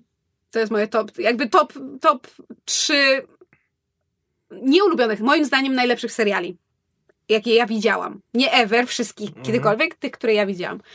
Więc proszę mnie tutaj w komentarzach nie e, odsunąć od czci wiary, że nie wspomniałam o, nie wiem, Soprano, Six Feet Under albo Breaking Bad. Żadnego z tych seriali nie widziałam, więc get What? off my bad. No. Um, Natomiast e, panie, panie detektyw, detektyw są absolutnie fantastyczne i, i obie aktorki się w nie wcielające e, wykonują kawał niesamowitej roboty. Um, bardzo mi się podoba to, że z jednej strony one są troszeczkę takie gdyby nie były grane przez tak fenomenalne aktorki i gdyby nie miały jakby tyle, tyle warstw i nie były takie wielowymiarowe, to na pierwszy rzut oka wydają się zupełnie stereotypowe, no bo to są, prawda, te, te um, kobiety w um, jakby w, w, dziedzinie zawodowej, która nie sprzyja e, kobietom, wręcz im bardzo wszystko utrudnia, które musiały wywalczyć swoją pozycję, a jednocześnie kompletnie nie stracić przy tym swojej, że tak powiem, bardziej takiej ciepłej, empatycznej strony, która to moim zdaniem serial bardzo dobrze pokazuje, sprawia, że one wręcz są lepiej przystosowane do tej pracy niż na przykład ich męscy, że tak powiem, e, koledzy i, i inni detektywi i fun funkcjonariusze. To też nie jest tak, że to serial to jakoś bardzo łopatologicznie e, pokazuje, ale na zasadzie jakby umiejętnie pokazanych kontrastów. A drugim wątkiem obok tego dochodzenia prowadzonego um, mamy sceny um, prze, przeplatające się i jest właśnie wątek Marie, czyli tej nastolatki, która, która zgłosiła gwałt. Zresztą to jest jakby. Dla mnie to było tyle wstrząsające, że pierwszy raz chyba autentycznie w, w życiu spotkałam się z. W ogóle usłyszałam o przypadku, gdzie e, gwałt miał miejsce w domu osoby. I nie na takiej zasadzie, że, że nie wiem, że ktoś był z kimś na randce i um, prawda, nie zrozumiał słowa nie i sprawy niestety się zakończyły tragicznie, tylko ktoś się włamał do, do dziewczyny do mieszkania, mhm. ob, e, e, ubezwłasnowolnił ją i, i dopuścił się czynu absolutnie karygodnego. I to pamiętam jakby samo, sam fakt, że takie coś miało miejsce był dla mnie absolutnie wstrząsający. A potem to, jak serial absolutnie bezceremonialnie nam pokazuje nie to, co się stało, wręcz serial bardzo dobitnie tego unika i uważam, że to jest właśnie element tego, o czym wspomniał Krzysiek, tego skupiania się na ofiarach w sposób, który umówmy się, inne seriale nie robią, bo jednak to epatowanie um, przemocą i, i, szokowanie jest bardzo dużym elementem produkcji um, około kryminalnych, ale to jak serial bezceremonialnie pokazuje to, co się dzieje potem, jak ta dziewczyna jest, um, jak za każdym razem ktoś jej każe um, zeznawać. Prawda? Pierwszy funkcjonariusz na miejscu zdarzenia, potem panowie detektywi, którzy przechodzą, potem kolejny raz na posterunku, potem musi, znaczy wszyscy jej zadają pytania na zasadzie, nie wiem, tam um, matka zastępcza, bo ona jest, pochodzi z trudnej rodziny i ma właściwie dwie matki mhm. zastępcze. Mhm. E, I po prostu za każdym razem, kiedy musi opowiadać o tym, co się stało i kiedy policjanci zaczynają kwestionować jej zeznania i, i wyszukiwać w tym jakieś, jakieś um, nieścisłości. Jakby dla mnie to było o tyle. Bardzo ciężko mi się to oglądało. Z jednego, z, jeden powód był taki, że no, będąc kobietą i mając um, koleżanki, słyszało się różne um, straszne historie i no, ja wiem, że tutaj... Z których część z nich powinna się skończyć na przykład na posterunku. E, A nie skończyła właśnie z powodu obawy przed właśnie takimi zeznaniami. Tak, jak najbardziej. I ja wiem, że tutaj e, poniekąd um, sardonicznie wspominałam o tym, że należy wierzyć ofiarom w kontekście Jessica Jones, ale jakby mówiłam jak najbardziej poważnie, to znaczy zbyt wiele się słyszy historii um, na temat tego, dlaczego kobiety boją się um, przyznać do, do tego, co je spotkało. Natomiast dru drugi powód był taki, że nie chcę tutaj w żaden sposób porównywać tego, co, co jakby ja przeżyłam z tym, co niestety bardzo wiele kobiet przechodzi, a nie powinno. Mianowicie byłam kiedyś w podobnej sytuacji, to znaczy w, w, podobnej sytuacji na posterunku policji potraktowana przez policję. To znaczy w, do, do domu moich rodziców, do mieszkania moich rodziców, w którym ja wtedy jeszcze mieszkałam, było włamanie. E, no i moja mama z moją ciocią tydzień po, tydzień po tygodniu w każdy weekend jeździły na, na bazar na kole. Jeżeli słuchacze nie wiedzą, bazar na kole w Warszawie to jest takie miejsce, gdzie jest targ antykami i starociami tam bardzo często można znaleźć kradzione rzeczy. W związku z tym moja mama z moją ciocią co, co weekend jeździły na koło, żeby spróbować wypaczyć nasze rzeczy. No i któregoś razu im się udało, wypatrzyły gościa, który sprzedawał część naszej biżuterii. No więc oczywiście wezwały policję, oni tego, policja, tego um, pa, pa, pasera zaciągnęli na policję. Po czym ja dostałam telefon, że mam przyjechać na posterunek policji, żeby jakby zidentyfikować na, prawda, jego tam, pokazali mi paletę pełną biżuterii, miałam zidentyfikować, które, które fragmenty biżuterii są moje. Ja wtedy byłam, to musiało być gimnazjum, może wczesne liceum. No w każdym razie nie byłam pełnoletnia. E, I przyjechałam na ten posterunek policji chyba taksówką. Nigdzie nie było mojej mamy, po czym ja, pan, pan policjant mnie wprowadził na, na salę. I na tej sali siedział inny pan policjant, pan funkcjonariusz oraz ten paser, przy którym ja musiałam dokonać y, wyboru z tej palety, po czym um, dwóch panów funkcjonariuszy zaczęło mnie przepytywać z tego, czy jestem aby na pewno pewna, czy nie kłamie, w co wtrącał się ten paser, zarzucając mi kłamstwo. W związku z tym wyobraźcie sobie sytuację, gdzie niepełnoletnia dziewczyna, kompletnie przerażona, bez, że tak powiem, opieki e, ten legal guardian, mhm. E, jest skonfrontowana z trójką dorosłych e, mężczyzn oskarżającą ją o, o to, że kłamie, albo czy na pewno i tak dalej. I ja oglądając ten serial miałam po prostu flashbacki z tego, mhm. jak ja się wtedy czułam. Ja się po prostu poryczałam, co oczywiście nie pomogło mojej sytuacji, bo e, panowie myśleli, że to nie wiem, chyba ze stresu na bo tytułem, o mój Boże, to ja sama okradłam moje własne mieszkanie, zaraz się przyznam do winy. A, you broke me, brawo sprawa rozwiązana. Um, więc jakby oglądanie tego, przez co przechodziła ta dziewczyna i jakie reperkusje potem dla niej miało to, że została tak zaszczuta przez tych policjantów, żeby wycofać się ze swoich um, zeznań, e, a potem została jakby zmuszona przez swoich opiekunów, żeby po, pojechać tam i powiedzieć, nie, nie, to była prawda, jakby musisz im powiedzieć, że to jest prawda, bo przecież muszą złapać tego kolesia, jeżeli, nie, jeżeli będą myśleli, że to jest kłamstwo, to, to, to nic z tym dalej nie zrobią. A potem znowu się z tego wycofała. A oni ją potem jeszcze dodatkowo oskarżyli w, w, w tym w serialu o, o fałszowanie zeznań. Nie tylko w serialu.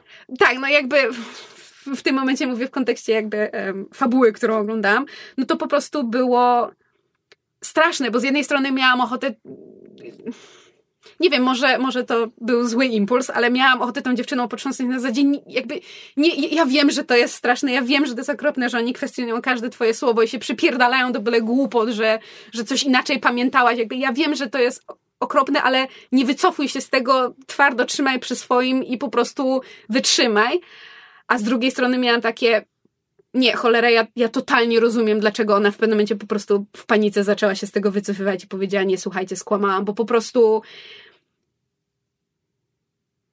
trzymanie się swojego zdania w obliczu takiej ściany po prostu nie wiem, braku empatii i e, mówienia nie i czepiania się o każde słówko, wymaga niesamowitych pokładów siły woli i wymaganie, żeby ktokolwiek je miał, jest absurdalne. Więc jakby musiałam jakby sama zakwestionować swoje, swoje nastawienie pod tytułem dziewczynowe się otrząśnij, bo, bo nie, bo to absolutnie nie, nie była jej wina i to nie ona tutaj cokolwiek powinna była um, zrobić czy zmienić. I to, co właśnie mi się bardzo w serialu podobało, było to, jak potem, kiedy um, poznajemy te właśnie panie detektyw, e, które, które zaczynają. W ogóle one, to jest cudowne, bo one prowadziły dwa zupełnie osobne dochodzenia, po czym zorientowały się, że, że ich dochodzenia mają elementy wspólne i stwierdziły, ej, chyba próbujemy znaleźć tego samego gościa, połączyły swoje śledztwa i wspólnymi siłami um, doprowadziły do, do, jego, do, do ujęcia tego um, przestępcy. I jakby to, jak serial pokazuje, jak bardzo niewielkie różnice w tym, ale bardzo istotne różnice w tym, jak rozmawiamy z ofiarami przestępstw, zwłaszcza um, gwałtów czy molestowania, jak bardzo wpływają na po pierwsze ich komfort, a po drugie na informacje, które uzyskujemy i potem szansę na to, że rozwiążemy um, sprawę. And I'm done. Thank you. Dobrze powiedziane. Nie, to jest bardzo dobry serial, jakby nie mam, nie mam dużo do dodania. E, poza postaciami, które już wymieniłaś i aktorami, chciałbym tylko zwrócić uwagę, że aktor, który gra tego detektywa, który, jednego z tych, którzy tłamszą Marii, e, on też jest świetny. To jest tak. bardzo niewdzięczna rola, żeby nie zagrać tego. Znaczy, na koniec wciąż gardzimy tym człowiekiem, ale on go bardzo humanizuje. Mhm. Znaczy, to wciąż jest takie, no wow, użalasz się nad sobą, fajnie. Źle ci. tak mi przykro, że tobie jest źle. Tak. Ale on świetnie jakby no, ba bardzo nadaje mu głębi. Mhm. Nie, absolutnie się zgadzam, też, też na mnie zrobił bardzo duże wrażenie. Wciąż gardzimy facetem za krzywdę, którą wyrządził mhm. i, i jakby i można się wtedy zacząć zastanawiać, jakby przy ilu innych śledztwach też tak skopał sprawę, ilu innych przestępców nie, nie złapano, bo skopał sprawę. Nie wiemy tego, jakby serial nie, nie odpowiada na to pytanie. Mhm. Tak, znaczy, to nie wiem, mały spoiler, ale jakby scena, w której on um, ma, ma właśnie taki, taki w pewnym sensie monolog na temat tego, że Zawsze się słyszy o złych gliniarzach. Tak, że zawsze się słyszy o złych gliniarzach i, i on zawsze jakby na nich patrzył z, z pogardą, mając siebie za lepszego, a teraz jakby uświadomił sobie, że, że on jest jednym z tych złych gliniarzy i że chyba że, że nie jest pewien, co to dla niego oznacza. Nawet nie w kontekście jakby, nie wiem, e, kariery czy czegoś mhm. takiego, ale jakby co, co w jego moralności, w jego pojmowaniu własnej osoby oznacza to, co się, to, co się stało. Jakby ja to doceniam, dlatego że dla mnie to właśnie nie było. Ja tego nie odebrałam jako użalanie. Ja to odebrałam jako autentyczne, jakby autentyczną konstatację pod tytułem wow, realizację. Tak, no to, to nie, nie miałem pojęcia. I to, to rzeczywiście e, uważam, że znaczy, podejrzewam, że mogłyby być właśnie głosy pod tytułem, że o, że, że, że, że niepotrzebnie w ogóle był ten jego wątek, że, że nie powinni byli do tego wracać, bo właśnie powinniśmy się skupić jakby na, na ofiarach i na kobietach i to jest serial jakby o, o, o, o kobietach, o tym jak one się wspierają i tak dalej, ale z drugiej strony moim zdaniem bez tego serial nie byłby kompletny. Właśnie z tego względu, że znaczy ja przynajmniej jestem zdania, że częścią właśnie w pewnym sensie, nie wiem, ruchu feministycznego, czy jak to chcemy nazwać, jest uświadamianie ludziom płci dowolnej, że musimy też spojrzeć w głąb siebie. I jakby to nie jest tak, że właśnie inni są źli, i że to wszystko jest wina innych ludzi, ale jakby my też jesteśmy częścią tego systemu i musimy e, musimy być po prostu świadomi pewnych, pewnych Wszyscy schematów. musimy być świadomi, ale generalnie chodzi o to, żeby jednak trafić do tych policjantów, bo to oni, ich zachowanie będzie jakby rezultatem całej właśnie tej kampanii uświadamiającej. To nie bo, są tylko bo... policjanci, to są też świadkowie, to są też ludzie, którzy słyszą historię kobiet. Ale dlatego potrzeb... mówię, że potrzebna była też historia takiego policjanta, który właśnie się zmienił, żeby może gdy obejrzy to jakiś taki policjant, który uważa siebie za nieomylnego, zobaczy, że tamten też uważał siebie za dobrego. Chciałbym w to wierzyć, ale myślę, że przeceniasz siłę popkultury tym momencie. Nie, popkultura drąży, drąży małą kroplą bardzo długo. Może to zajmie więcej trochę czasu, ale to, że w serialach się pojawia właśnie więcej bohaterów e, różnych ras, więcej Inaczej, bohaterów różnych pre- orientacji. Prędzej, prędzej uwierzę, że to uformuje obecnych młodych ludzi, młodsze pokolenie, niż że zmieni przekonania jakiegoś No, 55-letniego Ale, faceta. ale właśnie o to możemy mieć nadzieję, że po prostu nowe pokolenia będą miały inne nastawienia, inne nastawienie. Nie przekonwertujesz zatwardziałych e, A, rasistów. bo myślałem, że to właśnie mówisz wcześniej. Nie, nie. Okej.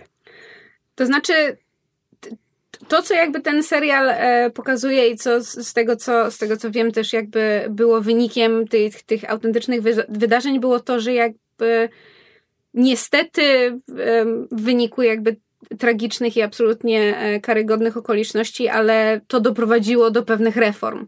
W, zwłaszcza właśnie w tym, w tym um, W hrabstwie tym czy jednym stanie. hrabstwie. Tak, no ja wiem, że to jest łyżka, e, e, znaczy beczka dziegciu w łyżce miodu, czy od, odwrotnie. Kropla w morzu potrzeb. Tak, w- albo jakieś inne porzekadło z płynem w, w, w, tak, w kontekście. Em, Huśnie, bo. E, Natomiast e, to, to jest absolutnie tragiczne, że, że tego typu zmiany zachodzą dopiero w wyniku em, takich, takich sytuacji, takich wydarzeń. E, Natomiast to też w jakimś stopniu e, daje nadzieję. Jakby ja się zgadzam z tym, że kropla drąży skałę i że tego typu em, produkcje mają szansę wpłynąć na, e, na przyszłe pokolenia też właśnie pod, pod względem na przykład tych e, postaci obu pań policjantek. To znaczy, ja dawno nie, nie spotkałam, um, nie, nie, nie oglądałam serialu, gdzie miałabym wrażenie, że obie um, właśnie bohaterki, te, te, te panie detektyw są po prostu ludzkie. To nie jest to, że to jest postać napisana, stworzona specjalnie po to, żebym ja spojrzała na nią i stwierdziła, tak, to jest, to jest ten typ człowieka, którym chcę być jak dorosnę, tylko miałam po prostu tak, to są ludzie, którzy ze wszystkich sił starają się być dobrzy i, i wykonywać swoją pracę i, i sprawić, żeby sprawiedliwości stało się zadość. I zrobiło to naprawdę na mnie niesamowite wrażenie. Więc e, bardzo, bardzo Unbelievable polecam. Nie jest to e, lekki serial, tak jak mówiłam, e, dla niektórych może być wręcz zbyt ciężki, biorąc pod uwagę statystyki. Tak samo Mindhunter. Znaczy, Tak, un- unbelievable ale- jakby, Je- tak Cięższy powiem, jest. content warning unbelievable ma odniesienie do dużo większej liczby osób Właśnie niż chciałam, Mindhuntera. chcia, dlatego wspomniałam o statystyce, więc jakby em, bardzo polecam, natomiast z dużym e, e, asteriskiem, że no, On może Nie być. jest to rozrywka. Zresztą ma jakby ma disclaimer na początku. tak. Ma, I, ma swój content warning. em, i, i, I jedna jeszcze rzecz na koniec, która mi się bardzo podobała, nie wiem Krzysiek, czy ty to zauważyłeś, biorąc pod uwagę, jak uważnie oglądałeś serial, ale fakt, że e, jakby czołówka serialu to jest karta tytułowa właśnie ze słowem unbelievable, które w pewnym momencie zaczyna ciemnieć i przez moment widać, że fragment słowa unbelievable, który najdłużej zostaje na ekranie, to jest słowo lie, czyli kłamać, Mhm. jest dla mnie po prostu wisienką na szczycie tego tortu. Więc bardzo, bardzo, bardzo unbelievable polecam. I to tyle w tym jesiennym, bezkamilowym odcinku. Liczymy na to, że, że w kolejnym już Kamil będzie. E, On był w tym sezonie? Był chyba. W ogóle chyba był. Jest gdzieś, lecz nie wiadomo gdzie. Ha, ha, ha, W ha. tym sezonie Myszmasza jeszcze go nie Nie, było. to, Nie jest, było? trze- to jest trzeci odcinek. Pierwszy my we dwoje byliśmy, No tak. Potem wy we dwoje, Tak, a teraz, teraz my jest we nas, trójkę. no, ich troje. Na razie, na razie jest to sezon bezkamilowy, ale za to zrafałowy. Tak. E, W związku z tym dziękujemy Wam bardzo za uwagę. To już na tyle w tym odcinku. E, Jak zwykle możecie się z nami kontaktować, pisać nam e, komentarze pod odcinkiem na YouTubie albo wysyłać maile na myszmaszpodcast.gmail.com albo myszmaszmałpa.podsłuchane.pl Pięknie zezujesz, jak próbujesz sobie coś przypomnieć. Dziękuję. Podcast medium wizualne. Jak zwykle możecie nas szukać na różnych social media. Mamy fanpage, podsłuchany ma fanpage na Facebooku, mamy Twittera. Zazwyczaj nas e, personalnie można znaleźć e, w internecie. Rafał od niedawna ma Twittera, więc możecie go tam e, U, śledzić. Gdzie można się znaleźć? Jak jesteś? Ad co? Rpatatyn chyba? Ad rpataty. Nie wiem, zaglądam czasem, żeby zobaczyć, co wy tam Okay. wrzucacie. Ja jestem na Ad Krzycer, jeśli ktoś chce oglądać szerowane zdjęcia zwierząt. Jak chcecie, I lewacką propagandę. jak, chcecie mieć skoncentrowane rzeczy, które Mysza, Kamil i Krzysiek wrzucają, to możecie mnie followować. Tak, a ja jestem, y, jak w większości social media, at Rogue Mouse, em, gdzie głównie piszę o dedekach. po polsku lub po angielsku, Tak. zależnie od nastroju. Em, tak, więc możecie się z nami jak zwykle kontaktować. E, Zachęcamy też do e, słuchania naszej innej twórczości, e, głównie sesji na podsłuchu. I gorących krzeseł, Które zaraz które zaraz wracają. wracają. Tak. Um, jeżeli jesteście fanami sesji na podsłuchu, albo nigdy wcześniej o nich nie słyszeliście, ale kręci was em, możliwość e, posłuchania, a od niedawna także oglądania, jak e, cała nasza ekipa e, gra w gry fabularne, czyli e, RPG i wspólnie opowiadamy zmyśloną przez nas e, historię w stworzonym przez nas świecie, to bardzo zachęcamy. Sesje na podsłuchu mają też Patronite'a, patronite.pl ukośnik sesje, gdzie możecie nas wesprzeć pieniążkiem, żebyśmy mogli się dalej rozwijać, duzi i fantastycznie, jak dorośniemy, zostaniemy jego, owocem jego belli. Może Kamil wróci do podcastu. Tak, wtedy jak dacie nam pieniądze. wow, szantaż. E, I to tyle, dzięki za uwagę i do usłyszenia w następnym odcinku. Cześć! Cześć. Na razie. Ach.